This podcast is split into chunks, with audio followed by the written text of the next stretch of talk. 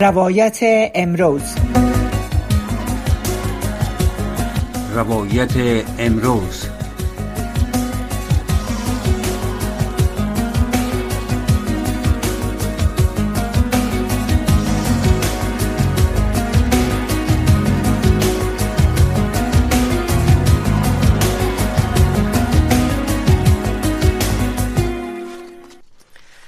شنونده های محترم سلام وقت شما بخیر. رویا زمانی هستم با تقدیم برنامه روایت امروز از امواج رادیو آشنا صدای امریکا طالبان پس از اینکه در آگست سال 2021 باری دیگر بر افغانستان و ناقدرت پیدا کردن مسلط شدند مکاتب متوسطه و لیسه برای دختران مسدود کردند و اقدامی که میلیون ها دختر از ادامه آموزش بالاتر از صنف ششم محروم ساخت. با وجود انتقادهای شدید بین المللی و تقاضا برای باز کردن مکاتب دختران مکاتب در افغانستان هنوز هم برای دختران مسدود باقی مانده است. با وجود که اکثر مکاتب دولتی و خصوصی در افغانستان خالی است مکاتب مخفی در کشور رو به افزایش است. سازمان آموزشی علمی و فرهنگی ملل متحد یا یونسکو ممنوعیت دختران از رفتن به مکتب را به مسابقه حمله بر کرامت انسانی خوانده و گفته است که 24 جنوری سال 2023 روز بین المللی آموزش به نام زنان و دختران افغان می باشد که این روز هم تجلیل شد. در این برنامه روی ای که مکاتب مکاتبی که هنوز هم در افغانستان ادامه داره و شاگرداد او حضور پیدا می‌کنه با چی مشکلات روبرو هستند با یکی از استادان محترم گفتگوی در این برنامه داریم. لیکن نخست از که ما با مهمان برنامه خودم صحبت شویم شما را دعوت می‌کنیم به شنیدن اخبار ای ساعت.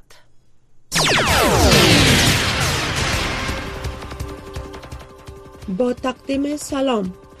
هیئت بلندپایه سازمان ملل متحد به رهبری مارتین گریفیتس معاون منشی عمومی این سازمان در ادامه دیدار با مقام های طالبان در کابل با سراج الدین حقانی سرپرست وزارت داخله حکومت این گروه دیدار کرده و درباره محرومیت زنان دختران از آموزش و کار بحث و گفتگو کرده است. این هیئت ملل متحد روز پیش وارد افغانستان شد و در حال حاضر مصروف دیدار با مقام های طالبان در کابل است. وزارت داخله حکومت طالبان امروز چهارشنبه در اعلامیه گفته است که معاون منشی عمومی ملل متحد در این دیدار خواستار برگشت زنان به کار و رفع محدودیت ها بر آموزش دختران شده است. در اعلامیه به نقل از آقای گریفیتس آمده است که ما باید عملکردهای دیگر را بیشتر از پیش تحت انتقاد قرار ندهیم زیرا انتقادات بیش از حد راه های تفاهم را بسته می کند اما بالای تعلیم و کار زنان تاکید می نماییم که باید هر چیز زودتر این مشکل مرفوع گردد. آقای گریفیتس و ملل متحد تا در مورد دیدارهای این هیئت با طالبان ابراز نظر نکردند. سراج الدین حقانی سرپرست وزارت داخله حکومت طالبان به هیئت بلندپایه ملل متحد اطمینان داده است که در بخش آموزش و کار زنان در افغانستان محرومیت دائمی مطرح نیست و این مشکل به زودی حل خواهد شد. وزیر خارجه ایالات متحده آمریکا از محروم شدن زنان و دختران با آموزش در افغانستان انتقاد کرده و گفته است که کشورش بر ایستادگی خود در کنار زنان و دختران ادامه می دهد. جزیات بیشتر را از فوزی احسان مشنوید. انتونی بلنکن وزیر خارجه امریکا روز چهارشنبه 25 جنوری در پیامی در توییتر گفته است که در حال حاضر زنان و دختران در افغانستان به گونه سیستماتیک از حق انسانیشان توسط طالبان محروم شدند. آقای بلنکن خطاب به زنان و دختران افغان گفته است ما در کنار شما هستیم و خواهان دسترسی برابر و بدون مانع به آموزش با کیفیت برای همه افغان ها هستیم. در این حال جوزف بورل مسئول سیاست خارجی اتحادیه اروپا با امینه محمد معاون منشی عمومی ملل متحد در بروکسل دیدار کرده و دو طرف آخرین اوضاع افغانستان با ویژه وضعیت زنان و دختران را به بررسی گرفتند. آقای بورل در پیامی در توییتر گفته است که اتحادیه اروپا و گونه مشترک با سازمان ملل متحد در کنار مردم افغانستان با ویژه زنان و دختران می در ادامه خبرها. نماینده وزارت خارجه ایالات متحده امریکا در امور زنان و حقوق بشر در افغانستان می‌گوید که امریکا در کنار وکلای افغانستان که فعالیت‌هایشان را یک شبه طالبان پاک کردن می استد رینا امیری امروز چهارشنبه در رشته پیام های در تویتر نگاشته است که محکمه ها در افغانستان منحل شده قضات برکنار گردیده. سارنوالان کنار گذاشته شده و وکلات تهدید شدند. و با بیان این که ها مستحق یک سیستم قضایی مستقل و بیطرف هستند گفته است که در روز جهانی وکلا در معرض خطر ما در کنار قضات وکلا و سارنوالان افغانستان ایستاده ایم که فعالیت های زندگی آنها برای ترویج حاکمیت قانون یک شبه توسط طالبان پاک شد. خبرهای منطقه و جهان را از امواج رادیو آشنا صدای امریکا دنبال می کند هند و مصر امروز چهارشنبه موافقه کردند تا تجارت میان دو کشور را تشدید بخشند. نریندرا مودی صدر هند و عبدالفتاح السیسی رئیس جمهور مصر روی تدابیری که تجارت دو جانبه را در طول پنج سال آینده تا 12 میلیارد دلار افزایش می دهد به موافقه رسیدند. هر دو کشور با امضای یک موافقت نامه روی گسترش همکاری ها در بخش تأمین امنیت فضایی مجازی تکنولوژی معلوماتی و امور فرهنگی و مطبوعاتی متعهد شدند. این دو رهبر روی اخلال در پروسه انتقال مواد غذایی و سایر منابع به دلیل جنگ در اوکراین نیز ابراز داشته و در مورد مبارزه با دهشت افغانی و سرمایه گذاری تبادل نظر کردند. حکومت آلمان تاکید کرده است که تانک های جنگی لپرد دو را در دسترس اوکراین قرار می دهد و درخواست های کشورهای دیگر را برای انجام همین کار تایید خواهد کرد. اولاف صدر آلمان تصمیم گرفت که تانک های لپرد دو ساخت کشورش به اوکراین فرستاده شود. و به پولند و کشورهای دیگر نیز اجازه ارسال این تانک ها به اوکراین را داده است. گزارش شده است که مقام های ایالات متحده نیز سهشنبه در مورد ارسال تانک های ابراهامز ام یک و دیگر تجهیزات به اوکراین خبر دادند. اما یک سخنگوی اداره امریکا از تبصره در این مورد خودداری کرده است. ساعتها بعد از اعلام آتش بس توسط دینا بولیوارد رئیس جمهور پیرو هزاران معترض به جاده های پایتختان کشور برآمدند. این معترضان که برای دو ماه خواستار آتش بس بودند با نیروهای امنیتی آن کشور درگیر شده و با گاز اشکاور و گلوله های را برای پلیس مواجه شدند. مظاهرات ضد دولتی روز شنبه بزرگترین و خونبارترین در نوع خود از آغاز این اعتراضات بود. در این اعتراضات گروه های بزرگ از مردم از مناطق دورافتاده آن به پایتخت فرود آمدند و خواستار استعفای رئیس جمهور آن کشور برگزاری انتخابات فوری و انحلال کانگرس آن کشور شدند و قصر سفید به تازگی تایید کرده است که گروه واگنر یک شرکت خصوصی خدمات نظامی روسیه شمار قابل ملاحظه زندانیان را استخدام کرده و آنها را نه تنها به جنگ اوکراین اعزام کرده بلکه در خط مقدم جبهه با زندانیان محکوم بدرفتاری نیز می کند جان کربی سخنگوی شورای امنیت ملی قصر سفید در مصاحبه با صدای امریکا گفت که میزان تلفات زندانیان که به اوکراین اعزام شده است فوقالعاده بالاست. کاربی افزود که در واقع فکر می کنیم که 90 درصد تلفات را زندانیان محکوم متقبل می شوند. شنونده های محترم این بود مشروع خبرها تا این لحظه از امواج رادیو آشنا صدای امریکا روکو راست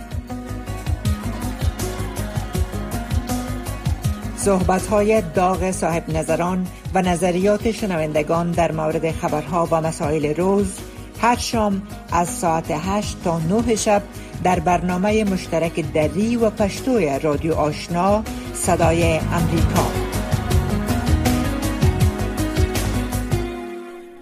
شنونده های محترم شما را به برنامه روایت امروز از امواج رادیو آشنا صدای امریکا خوش آمدید میگیم. مهمان برنامه روی خط برنامه داریم. استاد سودابه جان شما را به برنامه خوش آمدید میگیم. سلام وقت همه بخیر. وقت شما بخیر. تشکر از که در برنامه تن ما وقت گذاشتین. تشکر وقت خواهش می‌کنم. شما هم جهان سپاس. در آغاز اگر بگوین استاد سودابک که شما در مدت که از مدت که طالبا روی کار آمدن و مکاتب مسدود شدن فعالیت هایتان چی است؟ چی می‌کنین؟ اگر کمی برای شنونده ها معلومات بدین.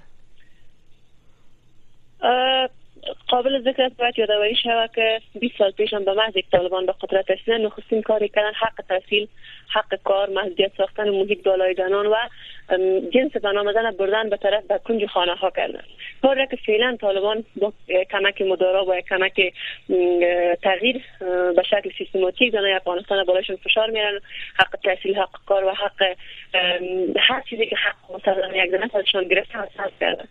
ما زنان 20 سال قبل زنان بودن که خاموش بودن. هر کاری که طالبات برایشون انجام دادن خاموشی خیر کردن و که یک کتله بزرگ از افغانستان که بیسواد است دلش طالبای 20 سال قبل هستن و خود خانم هایی که صدا بلند نکردن.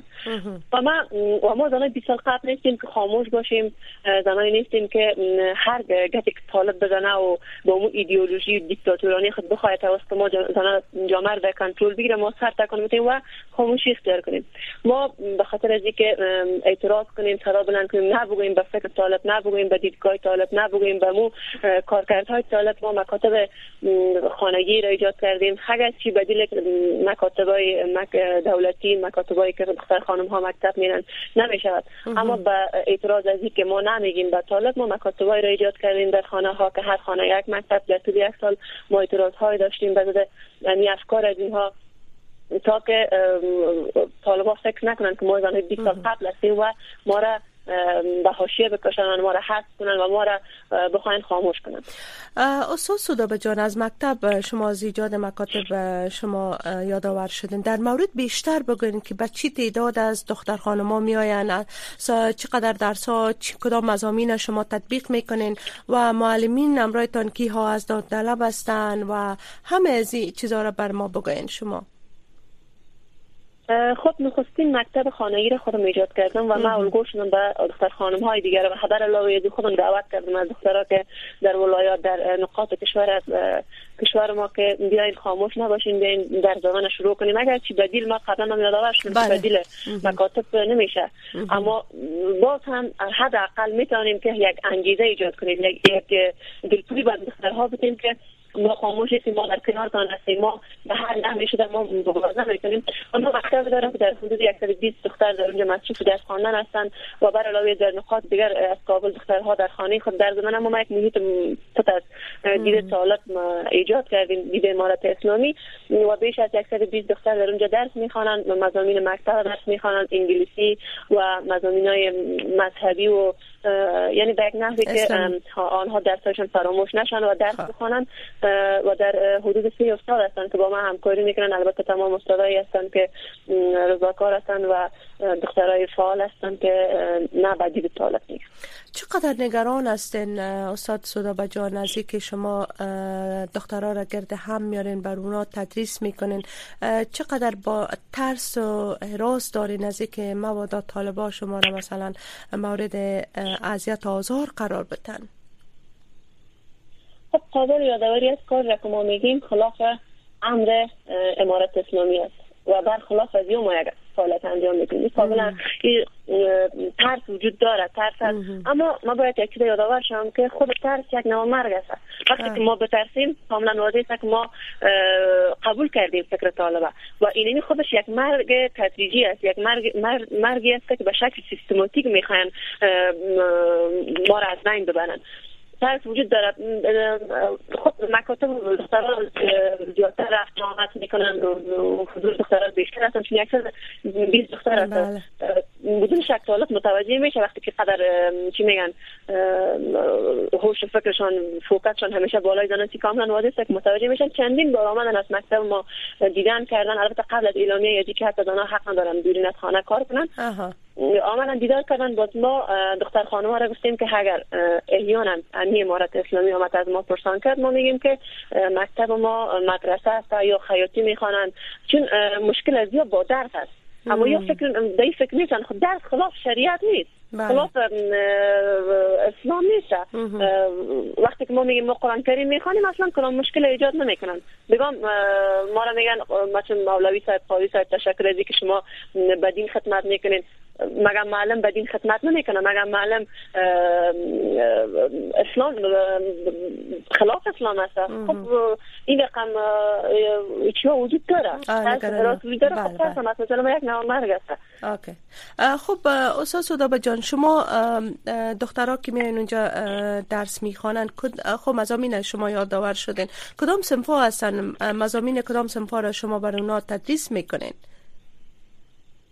خب ما به شکل کانکور پیش می‌رویم.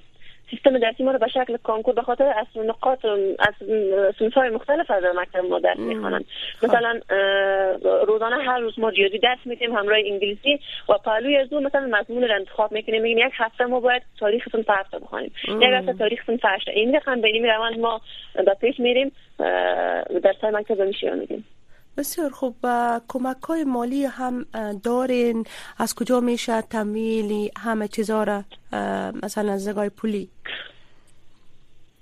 خب مشکلات خود خود زیاد داره. چون مکتب ما را کس خوب خودتان می‌فهمید در شرایط کس تنظیم نمی‌کنه یک خانم. یک خانم چی نمی‌کنه؟ مکتب ما کاملا خب امیره گفتم استاد جان کس کجا میشه مثلا؟ می‌کنن بدون کدام بودیجه کدام بودیجه ما درس میدیم. خب بله. دختر خانمایی که میاین اونجا جان چی میگن؟ چقدر اونا نگران هستن که مبادا اونا زیر شکنجه طالبای آزار اذیت طالبا قرار بگیرن؟ چقدر روحی با چی روحی داخلی مرکز میشن؟ در اوایل وقتی دختران می آمدن واقعا ترس حراز داشتن.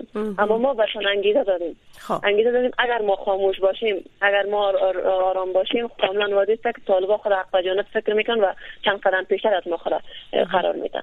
و ما برشان انگیزه میتیم روحیه میتیم میگیم اگر شما بترسید طالبا حق به جانب فکر می‌کنن و فکر می‌کنن که واقعا ما حق با ماست که ما بالای از یا این قوانین دست کردیم یا قبول کردن خاموش بودن. به مرور زمان ما سمینارها حتی براشان ایجاد خب. ایجاد می‌کنیم. سمینارهای خب. انگیزشی دهی چون اکثریت دخترایی که در مکتب من دچار افسردگی شدن. اکثریت از دخترها بیخی یک سه باید ما یادآور از دین اسلام یک دید دیگه پیدا کردن. در حالی که نمی‌دانن که اسلام در اسلام چنین چیز نامده. ما حدیثی داریم از پیامبر که گفته اطرب العلم ولو کان بسین بیاموز علم را اگر در چین باشد. نه فاصله را را در نظر گرفتن نه مشخص ساختن که زن و مرد را. ما این حدیث ها و این آیه را برشان نیز برشان میگیم که اصلا در اسلام چنین چیزی نگفته. فقط طالبا می‌خواین با مو ایدئولوژی خود با مو پوپولیسم و پوپولیستی خود ما را در کنترل خود داشته باشند. و ما را توسط ما زنا جامعه را به کنترل خود داشته باشند. بله. ما این چیزا به دخترکا یادآور میشیم که نباید خاموش باشن. خود از اینکه میان در اینجا درس می‌خوان خود از یک نوع جهاد است. یا به خاطر علم به خاطر آموزش به خاطر درس. خود میان این قدر خطر قبول می‌کنن و میان درس می‌خوانن. بله. استاد یک موضوع رو که می‌خوایم اینجا یادآور شامی است که بار بار از طرف مقامات طالبان در اواخر سراج حقانی هم با دیدارهایی که با هیئت بلندپایه سازمان ملل متحد داشته اونا ای را گفتن که در بخش آموزش و کار زنا در افغانستان این یک محرومیت دائمی نیست و به این مشکل و این مشکل به زودی حل خواهد شد چی فکر می‌کنین که چی مشکل بود در سیستم درسی تدریسی افغانستان افغانستان که این تقریبا دو سال است که دختر خانما از رفتن به مکتب اونا محروم شدن و همچنان به نظرتان چی اقدامات روی دست گرفته شود توسط طالبا؟ گرفته خواهد شود توسط طالبا که رفع این محدودیت ها شود؟ در آینده نزدیک یا دور؟ خب قابل یادآوری باید باز دوباره که طالبان اصلا توجه به این ندارن که یک دختر درس بخانه جامعه پیشرفت کنه. اصلا این چیزا وجود نداره. ما هر بار با, با طالبا ثبوت آوردیم. گفتن که خب. مشکل مشکل پوشش است. بعد دیدن که نه مشکل پوشش است نه مشکل فرهنگی است. چون هر چیزی که ما ثبوت آوردیم. گفتن مشکل مشکل دین است. ما بهشان حدیث آوردیم آیه آوردیم. اولین آیه قرآن کریم اقرا. بخوان. باز دیگه نگفته که مشخص باشه که سنا مرد بخونه. خب بیان که مشکل دلیل ما بیان آوردیم که مشکل مشکل دینی هم نبود. مشکل مشکل فرهنگی گفت مشکل فرهنگی در کجاست؟ افغانستان یک کشور متمدن است. یک کشوری است که 5000 سال تمدن داره. چطور این می‌تونه یک مشکل فرهنگی داشته باشه در قبال آموزش؟ بعد گفتن مشکل خب هر دلایل مختلفی دارن اما وقتی که ما فوکس می‌کنیم همیشه دقت می‌کنیم مشکل مشکل پوشش نیست. مشکل مشکل سیاسی است که می‌خواین توسط ما زنان یعنی توسط ما دانه مشروعیت بگیرن به سازمان ملل. و بعد وقتی که مشروعیت گرفتن کاملا واضح است که یعنی سرکوب سرکوب سرکوب کردن های خود بیشتر و بیشترتر بسازن. طالبان می‌خواین توسط حضور ما زنان بدن ما زنان هویت ما زنان امو پلتفرم سیاسی شنه پلتفرم سیاسی شنه توسط ما زنان حمل کنند این بله. کاملا واضحه که مشکل هیچ مشکل نداره تحصیل زنان داره مثلا نه مشکل فرهنگی نه مشکل پوشش نه مشکل دینی مشکل مشکل سیاسی و کاملا واضح است اما در طول یک یک سالی که دخترها مکتب نرفته آیا یا آنقدر کنترل کردنشان آنقدر وقت گرفته که برنامه بگیرن که زنان باید چی رقم مکتب برن چی رقم مشکل کاملا واضح مشکل مشکل خود طالب است. نمی‌خواین زنان در جامعه حضور داشته باشن. چون از خب زنان چرا؟ به نظرتان. زنان زنان نترسن چرا؟ استاد سودا جان میرم می‌خواستم ازتان بپرسم که طالبان چرا از زنان در حالی که وضعیت بشری در افغانستان رو به وخامت گذاشته فقر بیکاری اقتصاد ضعیف سردی از یک طرفی همه مشکلات از گزارش ها از افزایش گروه های تروریستی در داخل افغانستان هم همواره شنیده میشن نشر میشه. اونا بر علاوه از اینکه به اونو چیزا توجه داشته باشن بیشتر مسئله تحصیل و کار نکردن زنا را در جامعه سرخط خبر قرار دادن. خب به نظر شما چقدر یک انگیزی سیاسی قوی نزد طالبا و طالبا چرا زنا میترسن خب این کاملا واضح است. خود هم گفتیم که طالبان چرا تمام فوکسشون بالای زنان کاملا واضح توسط ما زنان توسط ما زنان توسط ممنوعیت ممنوع کردن ما زنان در جامعه در تحصیل در کار در تمام چیز جامعه را به کنترل خود می‌گیرن. و خدا قسم طالبان در قصه فردی خنک در قصه نبود خوراکه در قصه مشکل فرهنگی در مشکل اجتماعی در قصه هیچ تمام از اینها نیست. مشکل از یا فقط اینمی است که یا رسمیت بگیرن در جامعه ملل. وقتی که رسمیت گرفتن کاملا واضح است که باز امو سیستم دیکتاتورانی خود را پیش بگیرن.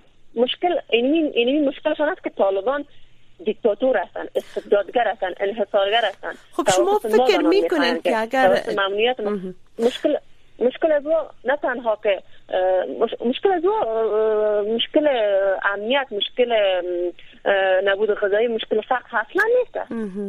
خب مشکل رسمیت بیان به جامعه ملل. وزیر خارجه امریکا انتونی بلینکن از محروم شدن زنان و دختران از حق تحصیل آموزش در افغانستان تحت حاکمیت طالبان یک بار دیگر انتقاد کرده و گفته که اونا بر همراه یا حمایتشان از زنان افغان و دختران افغان اونا به حمایتشان ادامه میته و باز طالبان میگه که محرومیت دائمی نیست و زمینه آموزش میاری برای هر افغان برابر خواد شود. به نظرتان زمینی ارائه آموزش میاری از سوی طالبان چی خواد باشه؟ استاد. خانم رویا سازمان ملل غیر مستقیم با طالب کانتکت داره. همیشه شعار داره. اصلا ما عمل از ندیم. همیشه آنها در میز با هم میشنن تبصره می‌کنن گفتگو می‌کنن. فقط امو فعالیت های سیاسی خودان به پیش می‌برن. آنها اصلا در چیزی نیستن که زنای افغانستان هست میشه زنای افغانستان به حاشیه کشنده نمیشه. مشکل از فقط نمی است که ببین چند روز پیش سمتایی قراردادی که در دوحه توسط سازمان ملل با آمریکا با طالبان گرفته بود. ورق پشتش پیدا شد گفته بود که ما هیچ مشکلی با حاکمیت شما در افغانستان نداریم. فقط که با کشورهای همپیمان ما شما غرض نگیریم. اینا اینجا کاملا واضح شد که اصلا سازمان ملل حتی تمامش همه سخنه از فقط شعار است. هیچ عمل نمی‌کنن در طول در طول یک سال نمی‌تونستن یعنی بالای طالبان فشار بیارن که مکاتب باز کنه فقط اعلامیه پخش می‌کنن. و طالب ما تا جایی که میریم طالبان اصلا در فکر نیستن که بخوایم کدام سیستم منظم درسی کدام سیستم منظم کاری به ایجاد کنن فقط اونمو مانیفست سیاسی خود پیش می‌برن خب با این وضعیت استاد شما چی فکر می‌کنین که او دخترایی که امروز از رفتن به مکتب محروم هستند دخترها تا از دانشگاه ها رفتن به دانشگاه ها محروم هستند امروز در افغانستان.